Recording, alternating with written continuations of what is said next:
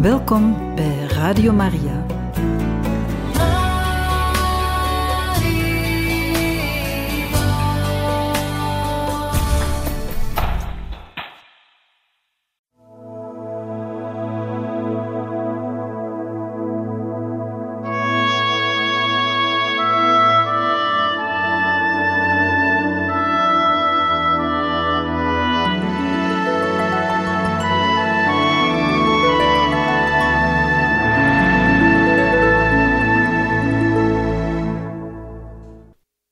Om in dienst te treden van de armen moest de zuster toch een en ander weten en was bij gevolg enige opleiding nodig. Zo bracht zij drie maanden door in het Holy Family Hospital van de medische missiezusters te Patna. Aan dit goed uitgebouwde ziekenhuis hadden de religieuzen een excellent opleidingsprogramma verpleegkunde. Het ziekenhuis had een staf van zusters die dokter waren Sommigen onder hen waren gespecialiseerd in bevalling, chirurgie of heelkunde, anderen waren verpleegster, laborante of voedingsdeskundige. Zuster Teresa werd er verwelkomd, kreeg een kamertje toegewezen, evenals een plaats aan tafel, en werd ingeschakeld in het dagelijkse werkprogramma. Ze was een enthousiaste, leergierige studente die tijdens haar korte verblijf al daar zoveel mogelijk kennis en ervaring opdeed, meer zelfs dan iemand anders in drie, vier maanden kon opdoen. Ze kreeg een spoedopleiding verpleegkunde, werkte in het ziekenhuis en de apotheek.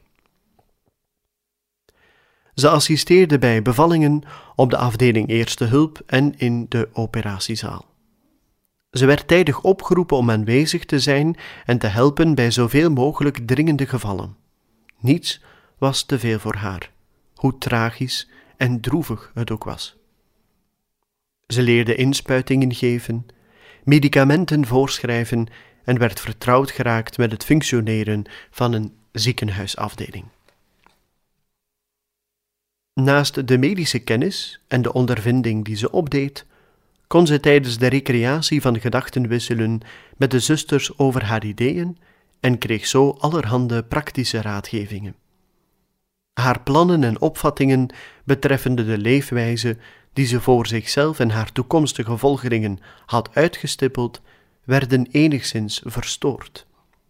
Ze was voornemens te leven in uiterste armoede. Haar zusters zouden gekleed zijn en eten zoals de armen bij wie ze zouden werken in een poging om hen in contact te brengen met God, en die ze zouden dienen als de leidende ledematen van Jezus Christus. Moeder Dengel, chirurg, een vrouw met een sterk karakter, zeer ervaren en wijs, had begrip voor een religieuze die andere activiteiten wou ontwikkelen en nieuwe wegen in het religieuze leven wilde bewandelen. Ze koesterde empathie en sympathie voor zuster Teresa, die haar uitlegde wat haar opzet precies was. Het dagelijkse voedsel van haar zusters zou niet eens bestaan uit simpele rijst en peulvruchten, wat al zeer bescheiden was, maar uit rijst en zout, hetgeen beschouwd werd als het eenvoudige voedsel van de arme Bengalen. Zuster Teresa zei dat ze inderdaad enkel gewone rijst, bestrooid met zout, zouden, zouden eten. Moeder Dengel repliceerde vinnig en met nadruk dat ze dan een erge misdaad zou begaan, want dat binnen een korte tijd die jonge dames het slachtoffer zouden worden van tuberculose en zouden sterven. Hoe wilde ze dat haar zusters werkten als hun lichaam niet gevoed werd? Wie echt arm was, werkte heel weinig, werd ziek en stierf op jonge leeftijd. Wou ze dat haar zusters datzelfde lot ondergingen? Of wenste ze dat ze sterk waren en in staat om te werken voor Christus?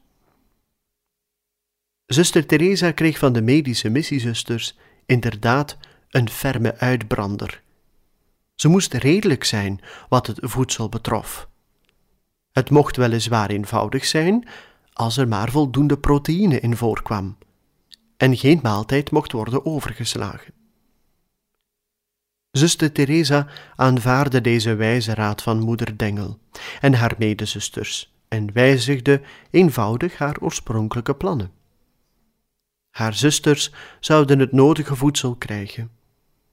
Het zou eenvoudig zijn zonder overvloed. De medische missiezusters gaven ook de raad dat er voldoende rust moest in acht genomen worden.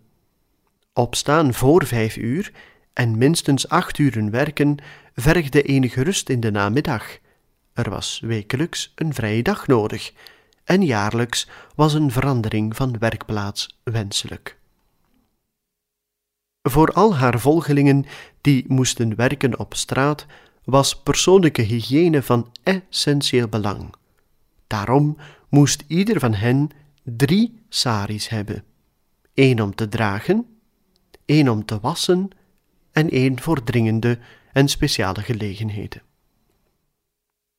Haar zusters zouden uitgerust worden met twee, later met drie saris, en ze moesten al hun kledij geregeld wassen. Elke avond, als ze thuiskwamen van het werk in de sloppenwijken, zouden ze grondig de was doen. De zusters in Patna leerden haar inderdaad dat ze elke dag hun witte kledij moesten wassen en reinigen en moesten veranderen en dat die gewassen moesten worden. Verder gaf men de raad dat het praktisch zou zijn indien het hoofd bedekt zou worden, ter bescherming tegen de felle zon. Het kon zomers in India meer dan 40 graden in de schaduw zijn. Met al die wijze raadgevingen zou moeder Teresa steeds rekening houden. Zuster Teresa was steeds in de weer om bij de patiënten te blijven, terwijl ze behandeld werden. Ze deed aan alles mee, deed informatie op en studeerde. Niets was voor haar te veel, hoe tragisch of hoe droevig een situatie ook was. Ze zorgde voor de cholera-patiënten en pokkenleiders, voor de zieke kinderen, in de steek gelaten door hun wanhopige ouders, voor de gekwetsten en stervenden. Als er een huwelijk of feest was, bij verdriet en vreugde, was zuster Teresa daar, om de mensen beter te leren kennen en in het bijzonder de zieken nabij te zijn. Ze leerde hen te begrijpen en hun leven te delen. Toen zij te Patna verbleef, waren er bepaalde patiënten voor wie maar weinig kon gedaan worden. Zo was er een meisje dat zozeer verlangde om zuster Teresa te helpen in haar toekomstige werk, maar ze had een ongeneeslijke longkwaal, tuberculose. Het meisje, dat bemoedigd werd door zuster Teresa, deed wat het kon om de andere patiënten te helpen, wat te praten met de zieken die in bed moesten blijven. Dat meisje stierf. Het was in feite moeder Teresa's eerste volgelingen.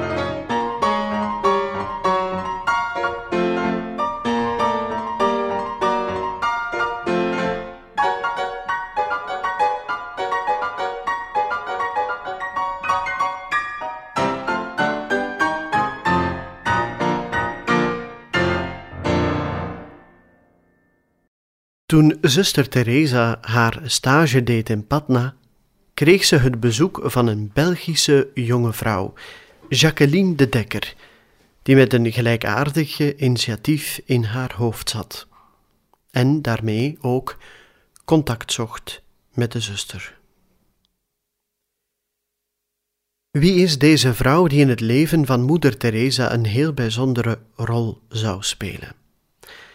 Misschien nog even tussendoor, we merken dat in het leven van Moeder Teresa, onder andere door de aanwezigheid van Belgische missionarissen, en ook waren daar mensen bij van bijvoorbeeld uit de buurt van Leuven, mensen die meegegaan zijn om hun hele leven te schenken aan de missies, aan de mensen al daar, bijvoorbeeld in Brits-Indië.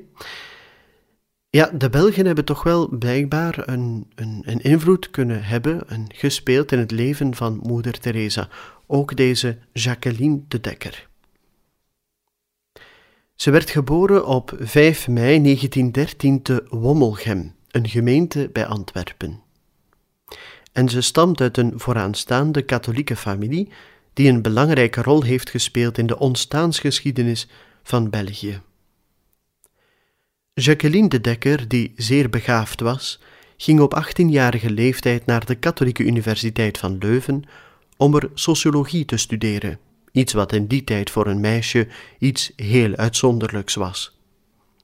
Ze behaalde ook een verpleegsterdiploma en volgde een speciale opleiding EHBO. Ze was inderdaad zeer sociaal ingesteld en wou dienstbaar zijn voor de medemens, vooral de noodlijdenden. Dienstbaarheid was voor haar belangrijker dan carrière maken. Ze had ook een grote belangstelling voor het religieuze leven en voelde zich al vroeg geroepen om missiezuster te worden. Ze ging daarvoor aankloppen bij een missiecongregatie, maar een voedselvergiftiging deed haar op haar besluit terugkomen. Jacqueline de Dekker, die zeer sociaal voelend was, was ook muzikaal begaafd. Met haar mooie stem nam ze ooit de hoofdrol in de opera Madame Butterfly voor haar rekening.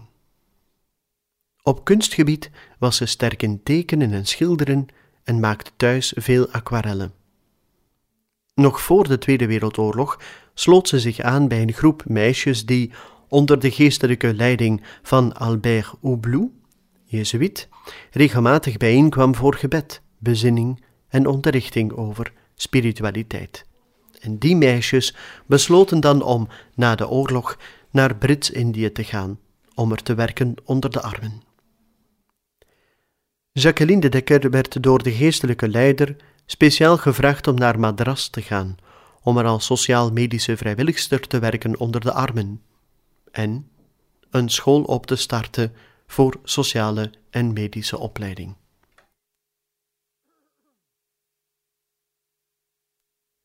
Gedurende de Tweede Wereldoorlog werkte zij onbaatzuchtig als verpleegster.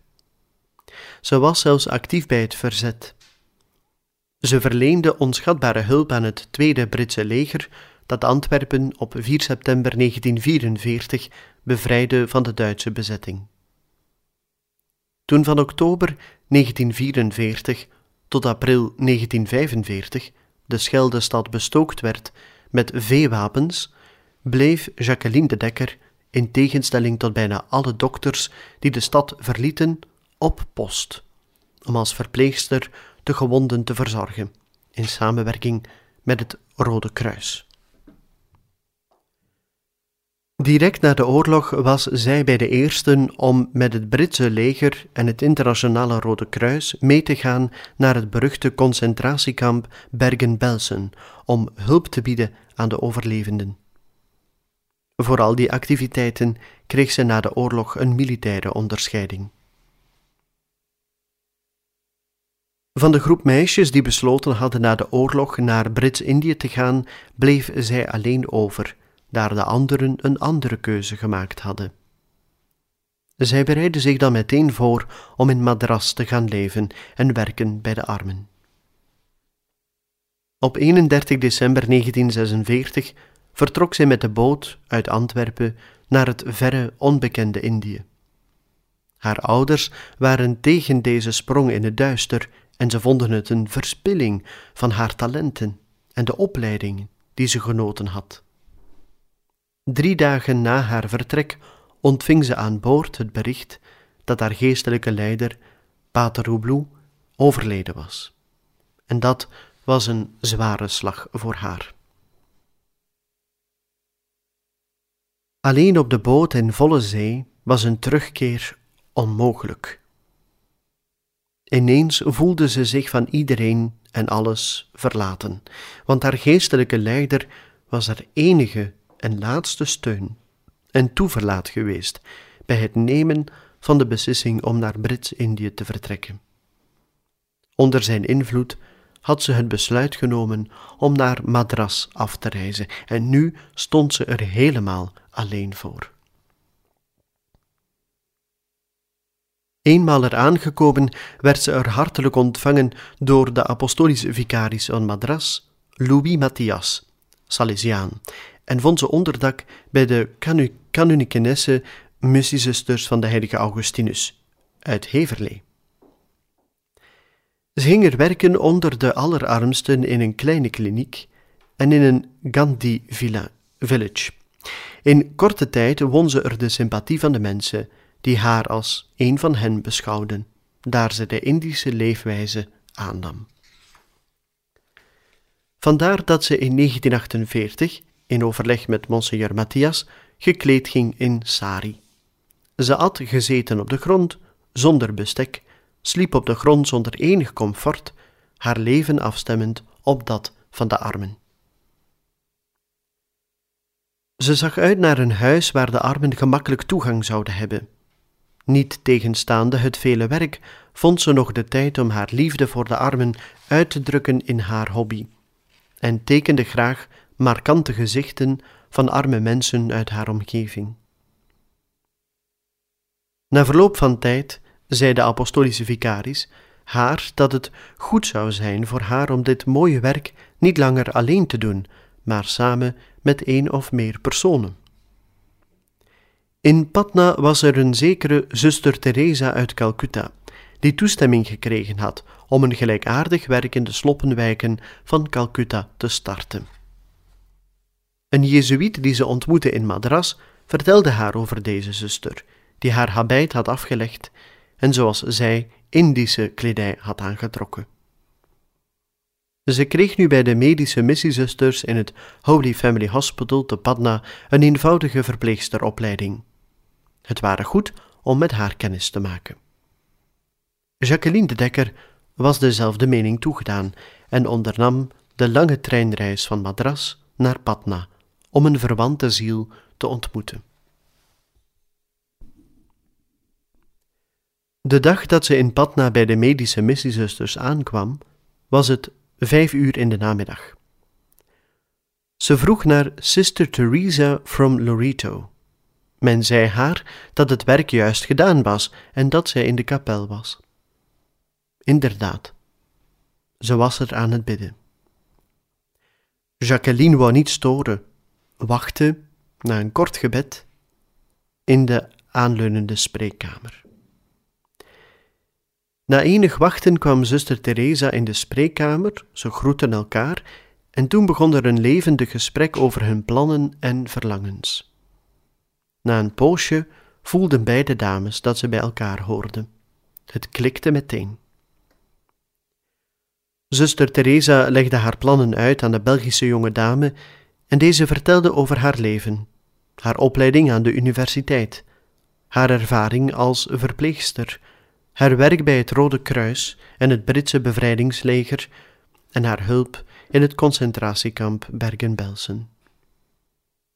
Zuster Teresa had grote bewondering voor deze jonge vrouw uit Antwerpen toen ze haar levensverhaal hoorde. Voor haar zat iemand die in alle opzichten geschikt was om samen een initiatief te nemen. De komst van Jacqueline de Dekker was een godsgeschenk. Zuster Teresa vond zichzelf in vergelijking met Jacqueline slechts een beginnelinge, die niets bezat van al hetgeen zij te bieden had. Zij zelf had nog alles te leren, van injecties geven tot werken in een krottenwijk. Daarom kon zuster Teresa zich geen betere volgelinge en medewerkster dromen om als eerste te helpen bij haar werk en de op te richten congregatie. Ze besloten dan ook om na enige tijd samen te beginnen in Calcutta. Het eerste voorbereidende gesprek werd gehouden toen ze beiden in het Holy Family Hospital als verpleegster assisteerden. Toen ze in de buitenpost Mokama een zuster nodig hadden voor de nachtdienst, bracht zuster Teresa en Jacqueline de Dekker naartoe.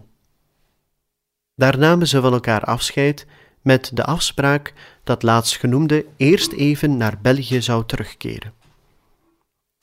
Jacqueline de Dekker moest inderdaad eerst dringend terug naar haar geboorteland om er met haar ouders contact op te nemen en om behandeld te worden voor hevige rugpijn. Zo gauw ze hersteld was, zou ze zich dan bij zuster Teresa te Calcutta aansluiten. Jacqueline, die als meisje zeer sportief was, liep op 15-jarige leeftijd bij een verkeerde duik in het zwembad een ernstig letsel op aan de rug, waarbij rugwervels beschadigd werden. De behandeling die ze toen kreeg, bracht geen volledig herstel mee. De dokters in België, die haar nu onderzochten, stelden een ernstige kwaal aan de ruggengraat vast. Bij het eerste onderzoek bleek inderdaad dat haar ruggengraat zwaar beschadigd was.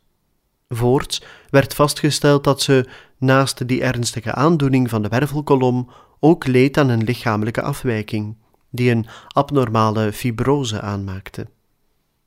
Om een mogelijke verlamming te voorkomen, moesten de artsen een reeks operaties uitvoeren en bijkomende ingrepen zouden volgen. En dat betekende voor haar het einde van een droom, die ze eindelijk ging kunnen waarmaken. Toen het verdikt gevallen was en haar plannen in duigen vielen, beschouwde ze haar leven als een mislukking. Jacqueline de Dekker keerde terug naar Patna. Toen was zuster Teresa al in Calcutta weergekeerd. Ze nam afscheid van de medische missiezusters te Patna en reisde toen naar Madras. Van daaruit ging het met de boot weer naar België, waar ze terug naar haar ouders ging in Antwerpen. De jonge vrouw zou zich wel op een of andere wijze weten in te zetten voor het werk van zuster Teresa.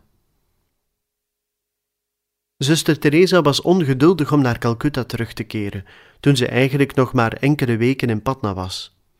In een van haar brieven vroeg ze aan pater van Exum dat men haar zou toelaten om met het echte werk te beginnen. Van Exum ging in november 1948 naar Patna om er zijn retraite te doen. Er aangekomen ging hij aanstonds naar de overste in het Holy Family Hospital. Zuster Stephanie, een Amerikaanse. Hij was van oordeel dat zuster Teresa lang genoeg in Patna moest blijven om over alles voldoende op de hoogte te zijn, vooraleer naar Calcutta terug te keren. Maar tot zijn verrassing vernam hij van de overste dat zuster Teresa dat al kon doen, vermits ze goed voorbereid was voor haar concrete werk, eraan toevoegend dat genoeg mensen haar zouden komen helpen met raad en daad. Uit Calcutta schreef Van Exum dat monseigneur Perrier toestemming verleende voor haar terugkeer en een verblijfplaats voor haar gevonden had, namelijk bij de Little Sisters of the Poor, de zusterkens der armen, aan de Lower Circular Road, de ringweg.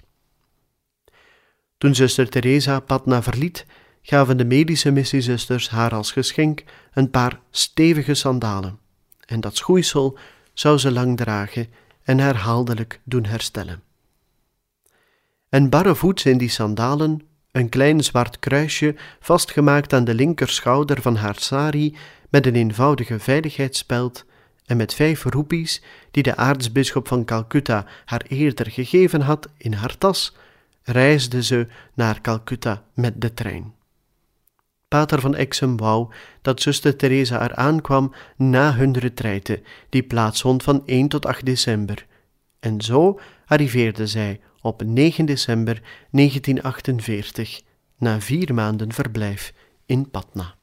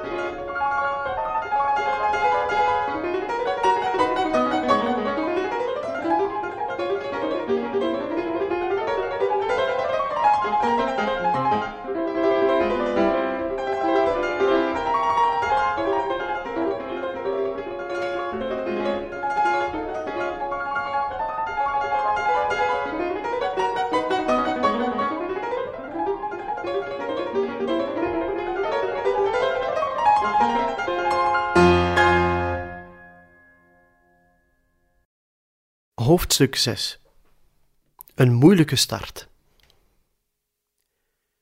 Van 10 tot 18 december 1948 begeleidde Celeste van Exem haar tijdens een achtdaagse retraite. De ochtend van 19 december was zuster Teresa klaar om met haar werk te beginnen. Er is een volkomen verzonnen verhaal over het begin van haar apostolaatswerk, eenmaal zij uit Patna teruggekeerd was. Er wordt namelijk verteld dat ze teruggekeerd in Calcutta een man op straat aantrof wiens duim aangetast was door koud vuur en die onmiddellijk moest geamputeerd worden om erger te voorkomen. Zuster Teresa zei terstond een gebed, nam een schaar en sneed de duim af. De patiënt viel in zwijm in de ene richting, zuster Teresa al de andere kant. Toen men haar later al eens dit verhaaltje vertelde, kon ze er hartelijk om lachen. Na haar terugkeer in Calcutta mocht zuster Teresa een tijdje verblijven in het St. Joseph's Home, een bejaardentehuis van de zusterkunst der armen. Deze congregatie is gegroeid uit een liefdevol gebaar van Jeanne Jugon, hun stichteres, die geboren werd in een vissersgezin op 25 oktober 1792 te Cossal in Bretagne, Frankrijk. Deze vrouw was een pionierster in de gerontologie, de studie van de ouderdomsproblematiek.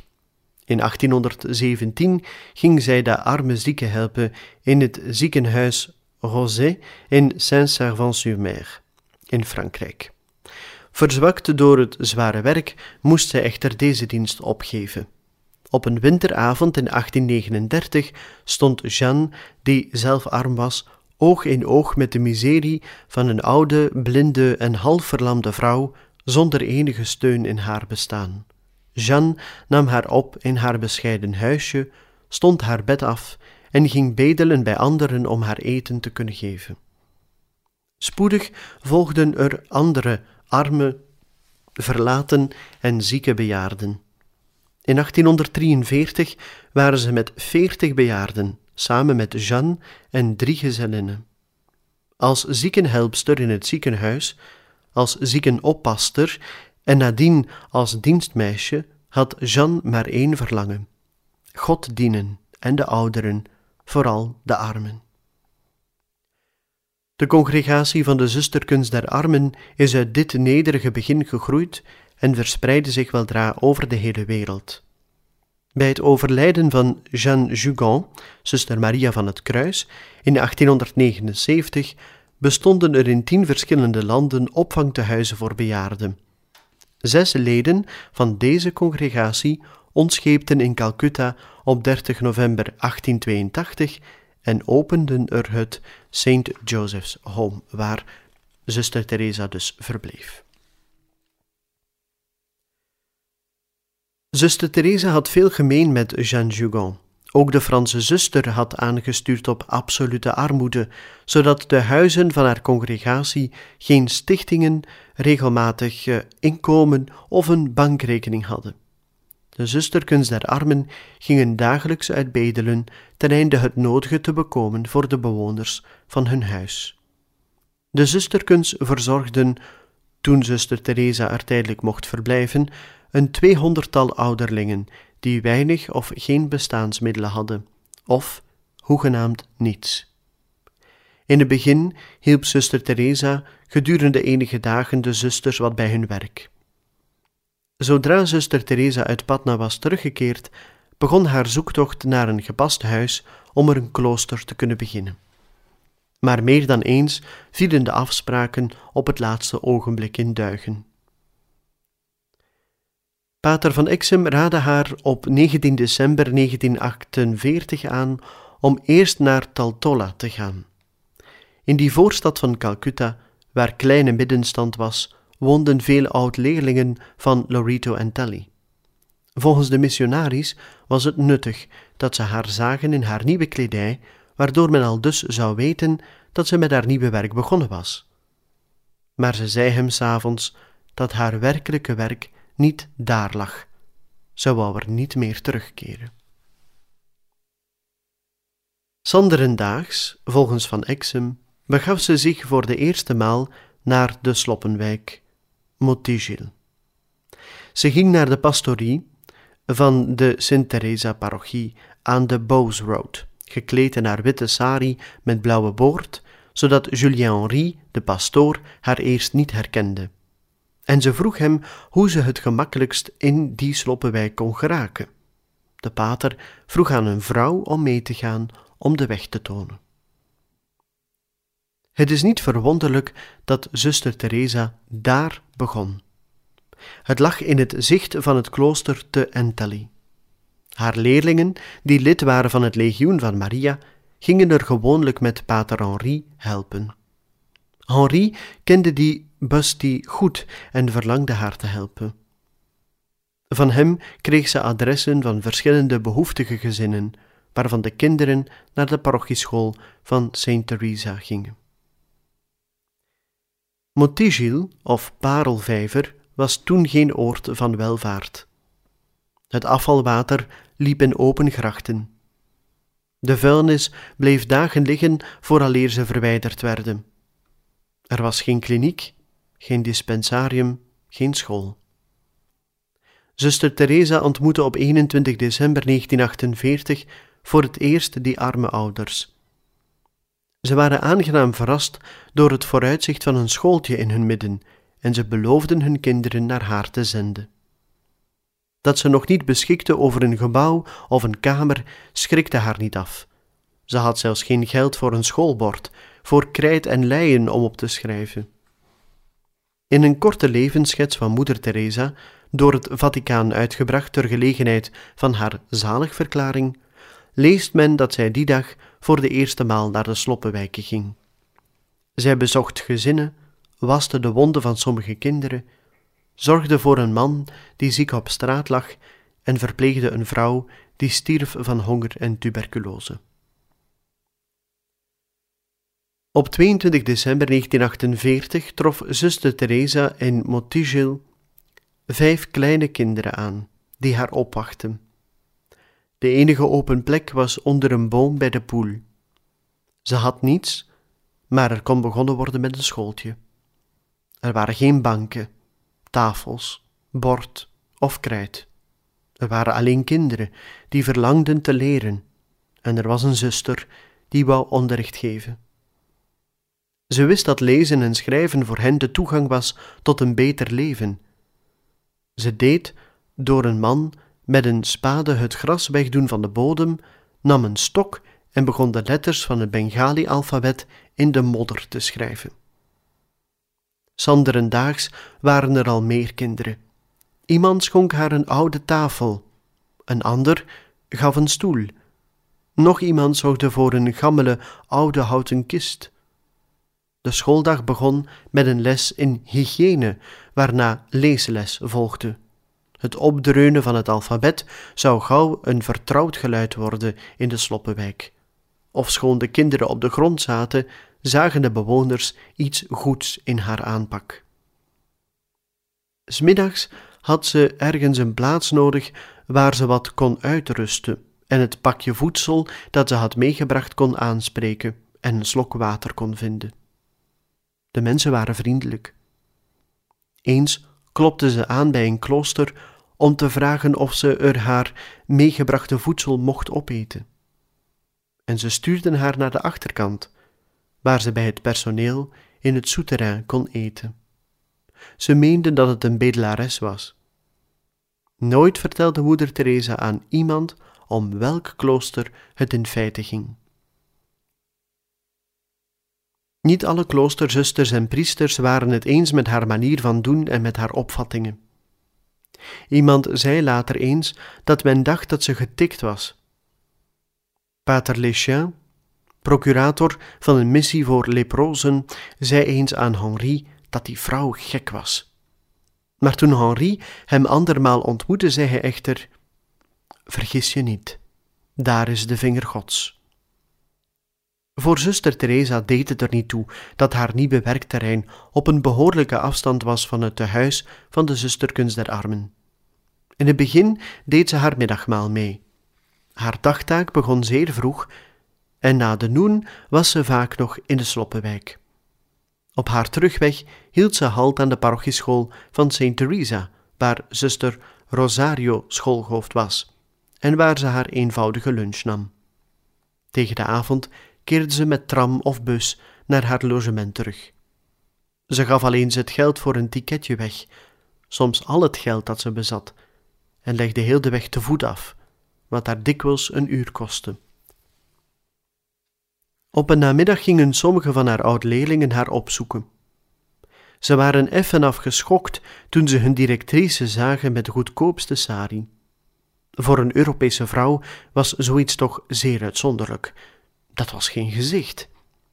Heel wat Europese vrouwen, gehuwd met een Indiër, droegen een sari van fijne zijde of katoen, en ze liepen zeker nooit blootsvoets. Zuster Teresa daarentegen droeg ruwe lederen sandalen, die ze in Patna gekregen had. Haar oud-leerlingen waren ook zeer verwonderd over haar school. Ze was kort geleden nog hun gewaardeerde directrice geweest en nu? Ze had geen dak boven het hoofd. Zelfs geen banken, stoelen, bord, boeken, leien, griffels. Ze troffen haar aan met haar klas van arme kinderen gezeten bij de stinkende put.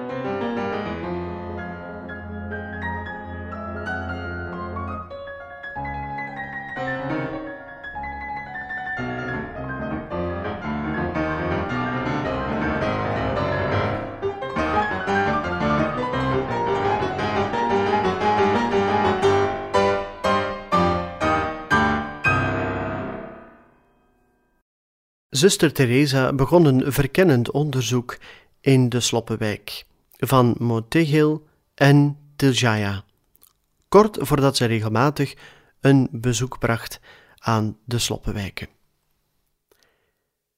Om haar opvoedingswerk naar behoren te kunnen doen, had ze toch een onderkomen nodig. Maar met slechts vijf roepies op zak was het ver van gemakkelijk om een geschikte plaats te vinden. Na heel wat zoeken en bidden vond ze in de Sloppenwijk uiteindelijk een kleine plaats. Spoedig daarna vernam pater Henri dat zuster Teresa een leegstaande kamer in een krottenwijk had gevonden en ervoor vijf roepies huurgeld per maand moest betalen. Henri's steun in de beginfase van moeder Teresa's congregatie was van wezenlijk belang.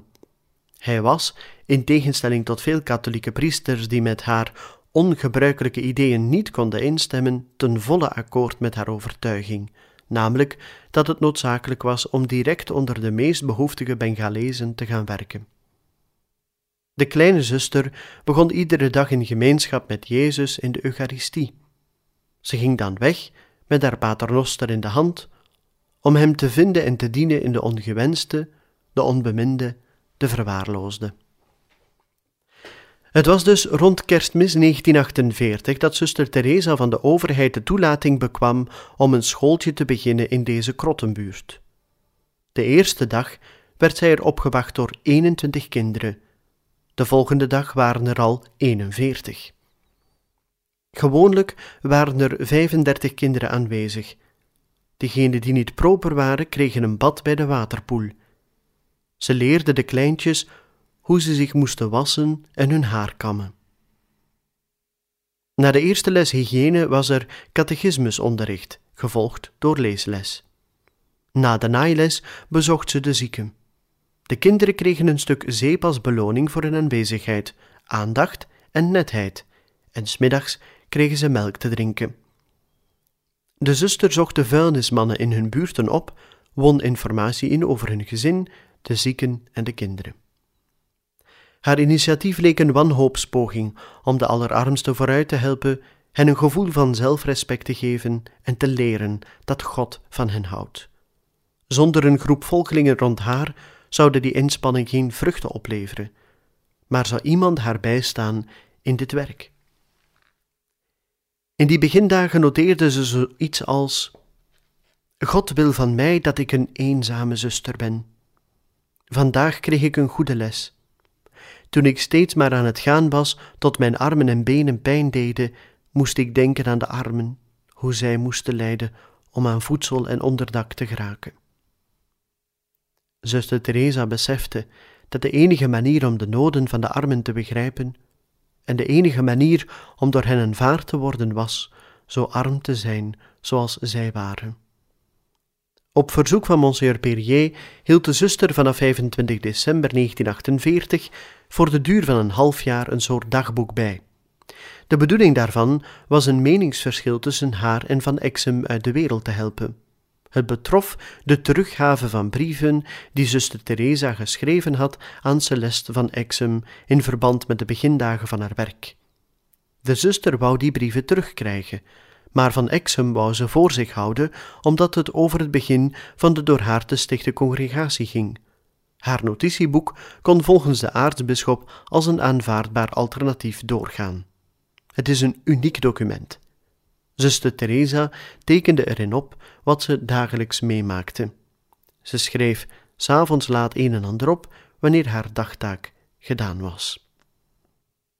Op tweede kerstdag, nadat ze precies een week met haar werk begonnen was, kreeg zuster Teresa onverwachts een voor die tijd grote som geld. Die ochtend bracht ze een bezoek aan de pastoor in Sealdag. Hij was verheugd over haar initiatief, maar weigerde haar te helpen of aan te moedigen. Vervolgens ging ze naar de pastoor van Park Circus. Wat een contrast. Deze was dolblij toen hij haar zag en uit waardering gaf hij haar honderd roepies, zodat ze met een schooltje kon starten. Op 27 december 1948 liet zuster Teresa er geen gras over groeien en ging dadelijk op zoek naar een geschikt gebouwtje om er met een schooltje te starten. Ze huurde twee kamers voor in totaal tien roepies per maand, ten einde die te gebruiken als school en dispensarium. Minder dan 24 uur nadat ze het geld had gekregen, werd de huur geregeld. De beide plaatsen moesten hersteld en gereinigd worden, zodat gedurende enige weken nog buiten les moest gegeven worden. Voor de maanden december, januari en februari, betrekkelijk koele maanden in Calcutta, was dit geen probleem, vermits het dan buiten aangenaam was. Het openluchtschooltje groeide en tegen 28 december 1948 waren er reeds 21 kinderen. Een onderwijzeres van St. Mary's bood zich vrijwillig aan. De kindertjes waren vuil en slordig, maar heel blij. Ze kregen onderricht, maar men leerde hen ook hoe ze zich moesten wassen. Wie niet netjes was, gaf de zuster een flink bad bij de poel. In haar dagboek noteerde ze alledaagse dingen uit de beginperiode. Geen speciale geheimen, geen revelaties, toch slechts kleine notities over de mensen die ze ontmoet had of over bepaalde voorvalletjes.